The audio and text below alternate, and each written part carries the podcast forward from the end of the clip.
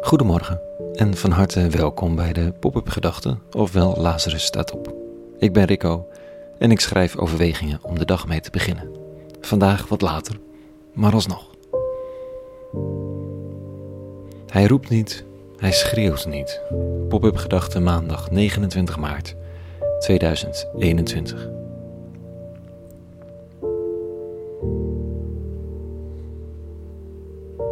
Ook wel eens verfrissend. Niet roepen, niet schreeuwen. Wel een hoop gerechtigheid.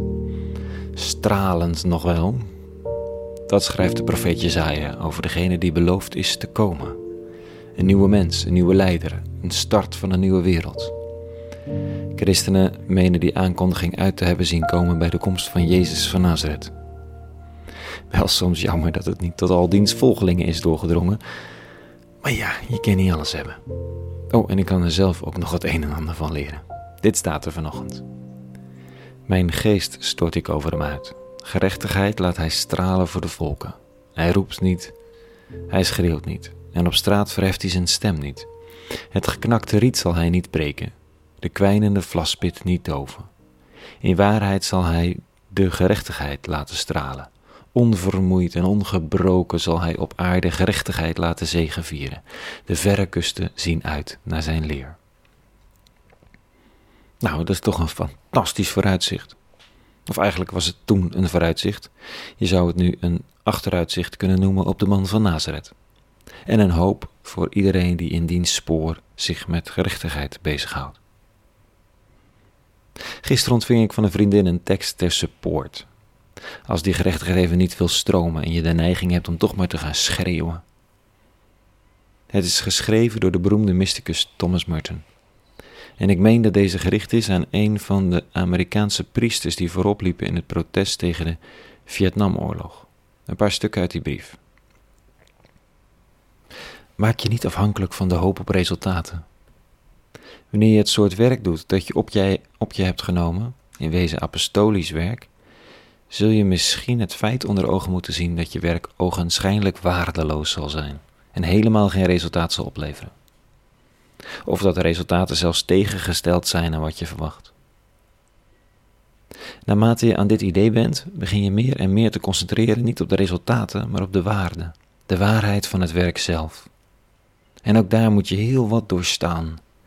Naarmate je geleidelijk aan steeds minder voor een idee en steeds meer voor bepaalde mensen vecht. Het bereik wordt kleiner, maar het wordt wel reëler. Uiteindelijk is het de realiteit van persoonlijke relaties die alles redt. Je hebt genoeg van de woorden en ik kan het je niet kwalijk nemen. Ik word er soms ook misselijk van.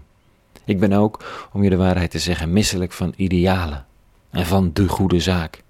Dat klinkt als ketterij, maar ik denk dat je zult begrijpen wat ik bedoel. Men laat zich zo makkelijk in met ideeën, slogans. En dat men uiteindelijk met een lege huls achterblijft zonder dat er ook nog maar een spoor van betekenis in te vinden is. En dan is de verleiding groot om harder dan ooit te schreeuwen om de betekenis er als bij toverslag weer in te brengen.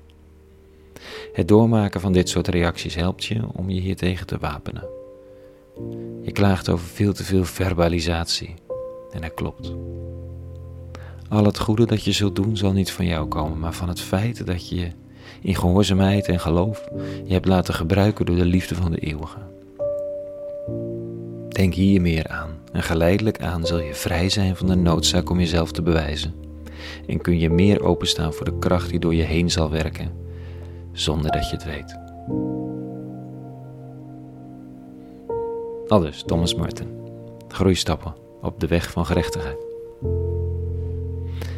Tot zover vanochtend. Hiermee een hele goede maandag gewenst. Morgen weer een nieuwe pop-up gedachte. En voor nu, vrede. En alle goeds.